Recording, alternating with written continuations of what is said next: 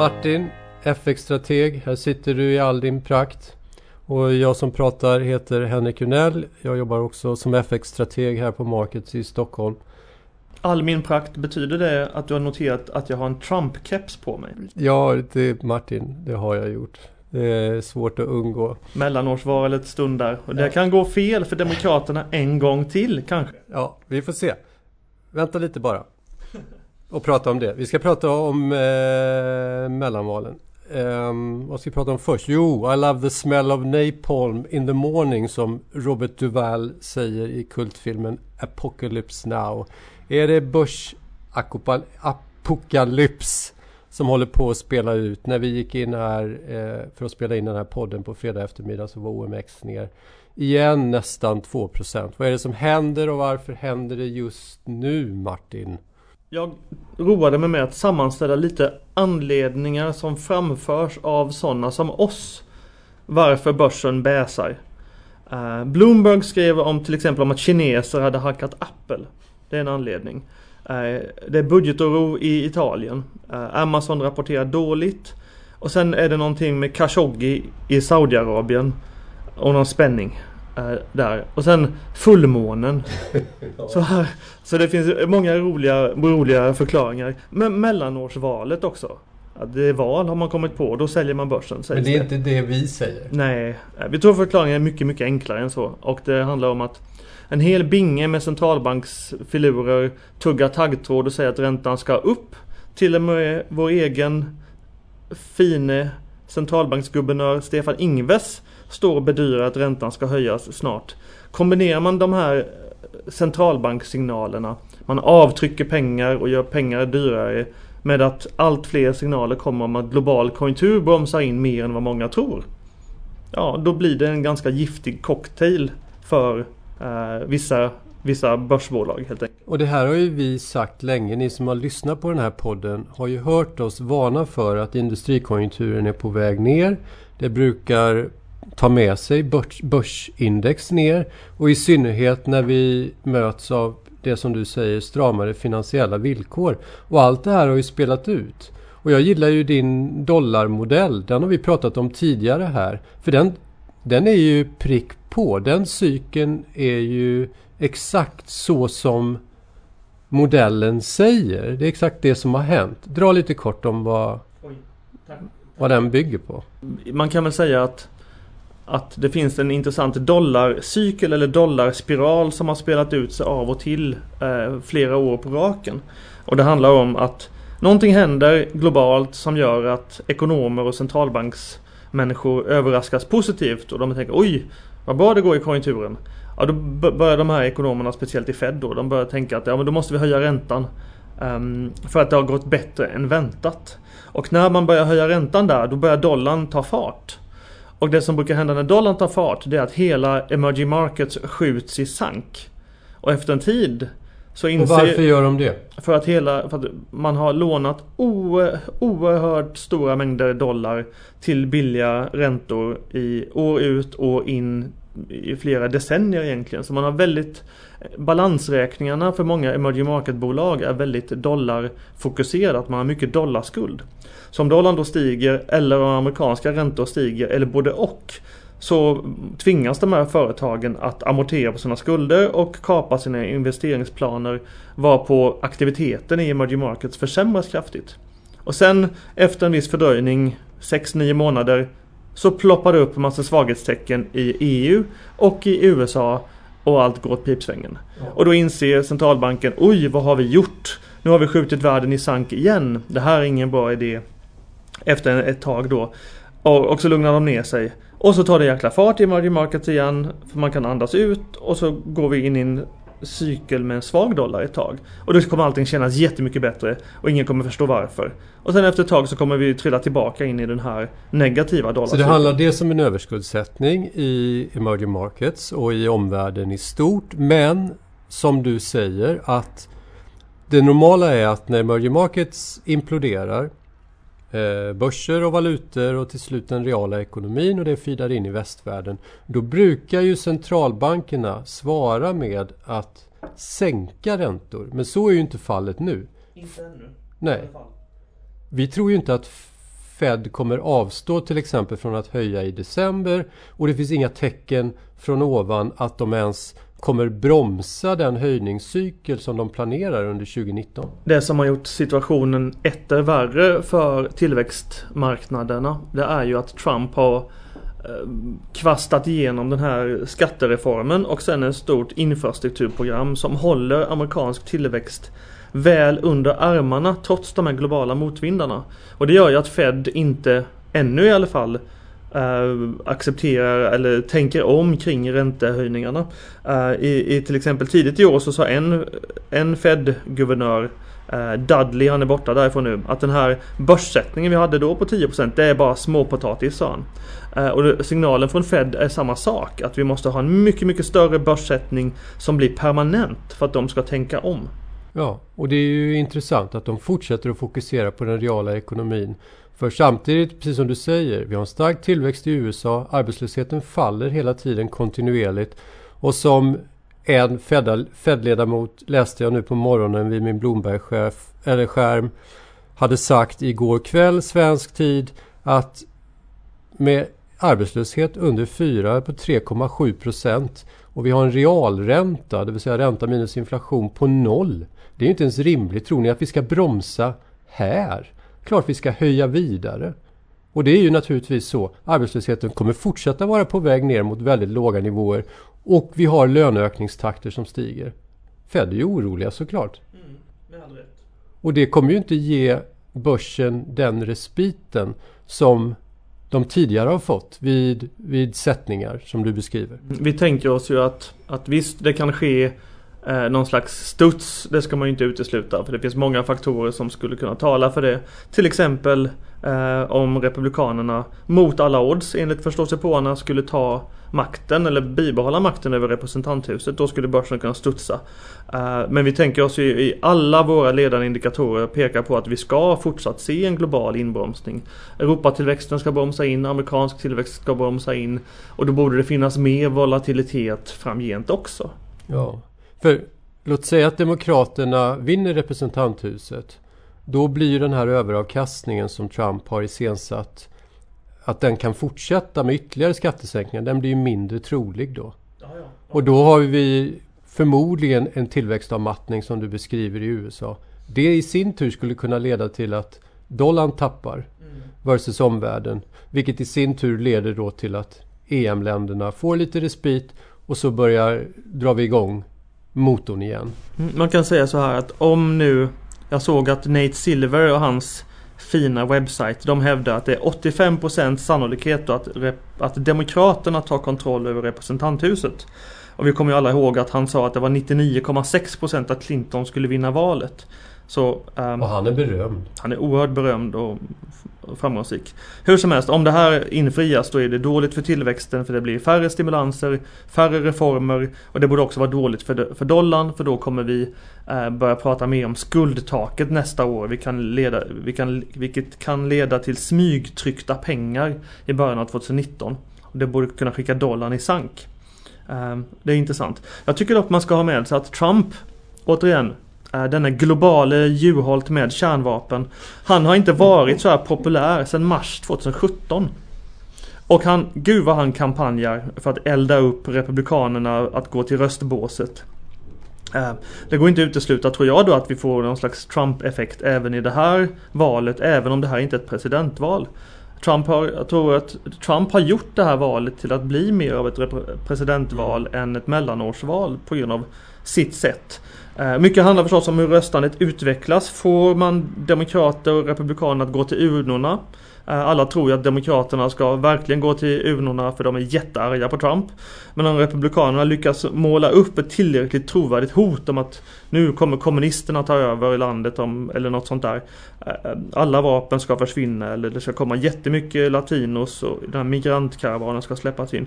Kanske skulle man då kunna få skulle de kunna få republikaner att gå och rösta. Um, så jag tror ju återigen att man underskattar risken att Republikanerna och Trump återigen lyckas med ett sånt här konststycke. Jag såg den här veckan också att CNN kablade ut nyheten att Trump inte tar på sig personligt ansvar för de här rörbomberna.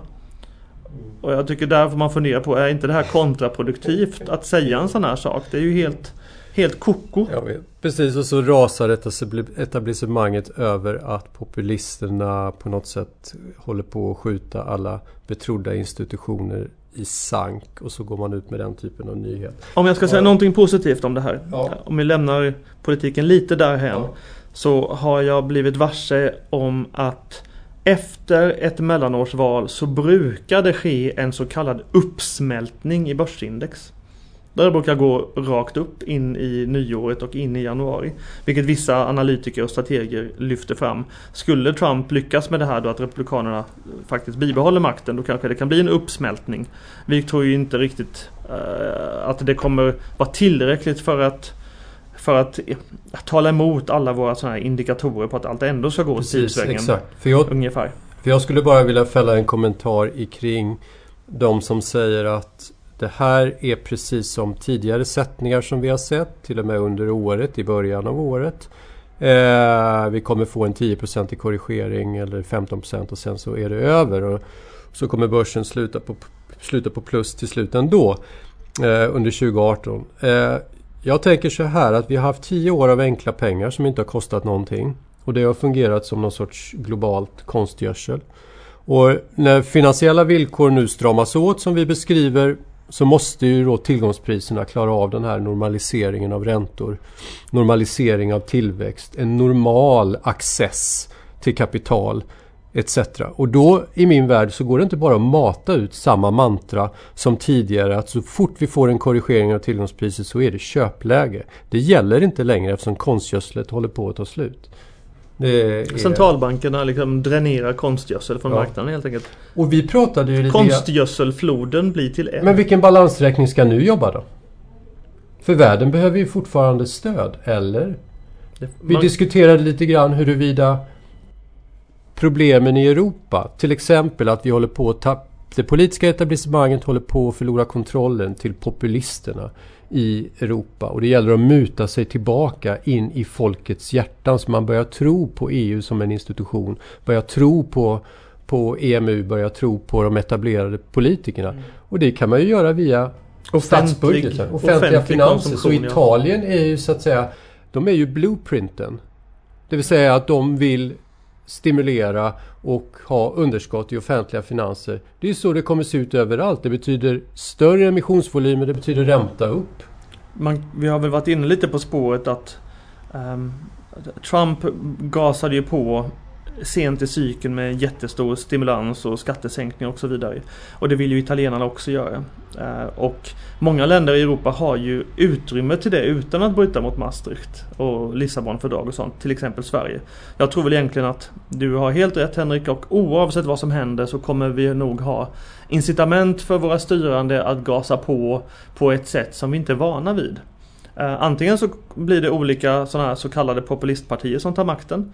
Och vill man bibehålla makten så är det nog en bra idé att, att ägna sig åt bröd och skådespel i stor skala och muta folket. Och de som vill förhindra de här så kallade populistpartierna att ta makten, de vill ju samma sak. Behålla så, makten? Behålla makten, ja precis. Um, vi får väl se hur uh, i Europavalen utvecklas maj nästa år.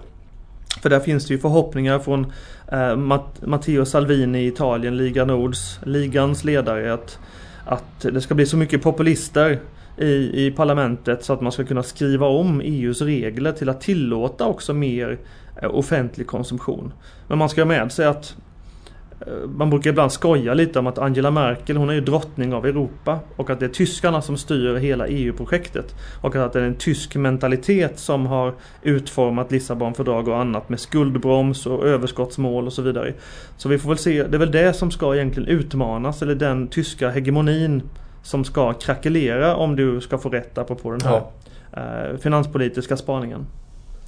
Eh, ska vi byta ämne och gå till Sverige? Vi har, Ingves. Ja, det blir det ju indirekt. Jag har en fråga till dig. Ja, okay. Är han inte dressed for success? Jo, det är han. han hade, jag vet inte om det var eh, Dressmans Battistini-kollektion som han bar det nyaste snittet av vid mötet nu i, i, i oktober i veckan. Eller något mycket dyrare. Eller om det var något mycket dyrare. Han såg väldigt sharp looking ut. Jag säger. Milano. Ja, du säger Milano. Jag, jag är beredd att hålla med. Eh, och det är ju i och för sig konstigt då eftersom Eurosec handlar på 1040. Det måste varit en oerhört dyr kostym som han eh, köpte. Betala med skattebetalarnas pengar. Precis. Ja, så skulle det kunna vara. Eh, Jag, vi säger det, jag säger detta för att Ingves har sett osedvanligt munter ut för att komma från Nor- Nor- Österbotten sen i somras. och slutsatsen du drar är att... Hawkish. Han vill höja, han ska höja, kosta vad det kosta vill. Ja, jag Problem- köper det. Problemet är ju att varför ska man bry sig? Och det, precis, och det är lite taken att det, det spelar egentligen ingen roll. Om man befinner sig på minus 50 punkter i styrränta, då, gör det ingen, då spelar det ingen roll att tillväxtutsikterna så som vi ser i våra modeller för Sverige och inflationen eventuellt kan vara lägre i framtiden. Eller att konjunkturcykeln globalt sett är på väg att vända. Makroförhållandena kommer fortfarande vara så pass goda att negativa krisräntor, de måste snabbt försvinna. Och i grunden så behöver ju inte Ingves något annat skäl än att krisen är över. Säger han det så kan han höja styrräntorna förbi noll och så lämnar han den här improviserade penningpolitiken bakom sig och så börjar han navigera efter de här beslutsreglerna som man hade tidigare innan, innan finanskrisen. Ja. Men, men samtidigt, de slaktar ju sina heliga kor. De säger, han säger en massa saker som frihetsgrader versus ECB. Eh, tiondelar på inflationen spelar mindre roll. Eh, negativa realräntor under allt för lång tid. Det är någonting som är dåligt. Det, det kanske är så att marknaden egentligen ska oroa sig över hur långt efter eh, Riksbanken befinner sig i kurvan. Det kanske är det som är, kommer vara problemet framåt i tiden. Jag tror att om Trump vinner kan det nog bli en, eller om Republikanerna vinner kan det nog bli en story faktiskt. Um, men vi, vi tror ju här på Nordea, liksom alla andra, att Riksbanksräntan, den ska göra lite som den här ryska ubåten utanför Lidingö. Titta upp lite ovanför ytan. I alla fall början i december. Kanske lyckas man smacka till räntan med 25 punkter till. Men all, och, och visst, Riksbanken kan höja trots att inflationen förmodligen kommer bli problematisk igen mot andra halvan 19 trots att tillväxten ska svaja och så vidare. För vi kommer ju från en, en sån här krisnivå som Henrik säger. Uh, om jag vill dra en kronspaning här vill jag dock säga att Alltså givet att signalerna nu är tydliga från Riksbanken att man ska höja räntan i december eller februari Så handlar vi likväl på 10,40 Det är liksom en spänn över vad man tycker är normalt egentligen. Så då undrar man var, varför är inte det här mer kronpositivt? Och jag tror att den, den enkla förklaringen är att om någonting händer som alla tror ska hända, då händer ingenting. Och det är egentligen det som är problemet för kronan här och nu. Att du, alltså kommer Riksbanken höja snabbare än den säger, då kan det bli, bli en intressant story. Men om den gör som den säger, det förväntas redan. Och om det, då händer liksom ingenting. För marknaden är förväntanstid. Och jag tror också liksom att Riksbanken fortsätter ju att trycka pengar och bygga balansräkning. De köper sönder den svenska statsobligationsmarknaden. Och de kommer fortsätta göra det här även om de höjer, i alla fall initialt. Jag tror egentligen det är det som behövs, att de börjar avtrycka massor pengar och släppa ut massor duration på marknaden så att svenska kurvan tokbrantar. Då tror jag vi får ett fantastiskt läge för kronan. Men det är de för fega för. Mm. Här och nu. Ja, det håller jag med om. Eh, såg du Paul Volckers artikel i Bloomberg? Jag såg den men jag har fortfarande inte läst den och jag skäms. Uff. Paul Volcker, han är den största auktoriteten Den inom centralbanksvärlden. Han är Den- typ två meter lång också. Ja, och gammal, 91 år. Oerhört gammal, lång och senior. Det var han som tände 80-talets galopperande amerikanska inflation. Han är överst... Släkte menar du? Va? Släkte? Ja. Han sl- Tämjde du den. sa, Tämjde? Jag tyckte du sa tände. Nej, tämjde. Mm. Han är överst i centralbankens Hall of Fame. Hade det existerat någon. Och han berör allting som vi diskuter- har diskuterat i den här podden. Men han formulerar det som penningpolitisk poesi. Det är så vackert, du måste läsa den. Han pratar om det bedrägliga inflationsmåttet. Han pratar om hur 2% inflationsmål, hur det snubblades fram. Han, han pratar om faran med att använda ett, ett mått för att mäta huruvida en ekonomi är i balans eller ej. Han säger så här, låt mig citera. Jag hoppas lyssnarna kan engelska. How did central bankers fall into the trap of assigning such weight to tiny changes in a single statistic with all of its inherent weaknesses? Vackert. Är inte det fint formulerat? Han, han lyfter fram, låt mig säga, låt oss kalla den, han lyfter fram den här Janssonska deflationsgospen. Men det gäller ju naturligtvis, det är inte bara Per Jansson i direktionen utan det gäller hela Riksbanken. Hur man kan ha så idéklonade människor i Riksbanksdirektionen. De är serietillverkade och de har inga personliga avtryck. Nu låter det Och- som att du kallar Riksbanksdirektionen för NPCs. Ja, det är precis vad jag gör. Men han, han lyfter fram centralbanksrädslan för deflation, det vill säga en längre period av fallande okontrollerad eh, prisrörelse ned. Priser faller alltså, löner faller, vinster faller, arbetslösheten stiger och så vidare. En ond spiral. Och så säger han, men den typen av miljö, den har vi inte haft i USA på 80 år. Sedan 30-talskrisen. En gång. Precis. Och så säger han att centralbanker som bär med sig den typen av mindset, de riskerar att skapa en deflationistisk miljö eftersom de kommer bygga bubblor med sin penningpolitik. Som sen spricker och konsekvensen blir så mycket värre än en vanlig konjunkturnedgång. Större och större bubblor. Det, väl, det har vi ju alla sett sedan 80-talet. Sen Folker försvann och ersattes av Greenspan, Bernanke, Yellen, Powell. Exakt. Så jag håller helt med. Så Riksbanken, bryt ert arv, lämna era instinkter för de leder er bara fel. Var inte Sverige fel. NPCs. Det känns lite Henrik som att du ger våra lyssnare en hemläxa här. Alla måste läsa Folker. Paul Volcker, ja. Mm. Ja, det håller jag med om. Eh, Martin, med, jag tänkte i termer av att, eller snarare så här. Mats Sydén, vår kollega, han sa så här innan vi gick in och skulle spela in den här podden att och han hade slängt en bläng i, i naturligtvis i någon dagstidning eller vad det var. Om vi upplever att samhället är i kaos nu. Det offentliga systemet har slutat leverera. Vi har kriminalitet som breder ut sig. Beslutsfattare har tappat kontrollen. Och vi gör det på en tillväxtpeak. Då varenda egentligen stjärna på den finansiella hymnen lyser upp Sverige med tillväxt och kredittillväxt så vi kvävs och fastighetsvärden uppe i nättaket och exportbolag som skrattar hela vägen till banken på grund av svag krona och staten som till synes badar i pengar enligt Riksgäldens senaste eh, rapport. Och kommuner som bailar ut sig själva med Riksbankens faciliteter. Ja, den där är intressant. Jo men kontentan är, det kommer inte bli bättre än så här. Det är väl vad vi ser i våra indikatorer. Och ändå är vi tämligen stressade. Över Men situationen. du och jag är ju sällan stressade. Nej, nej. Precis. Som ni hör så är det här, som någon sa, en podd med oväntad bred åsiktskorridor.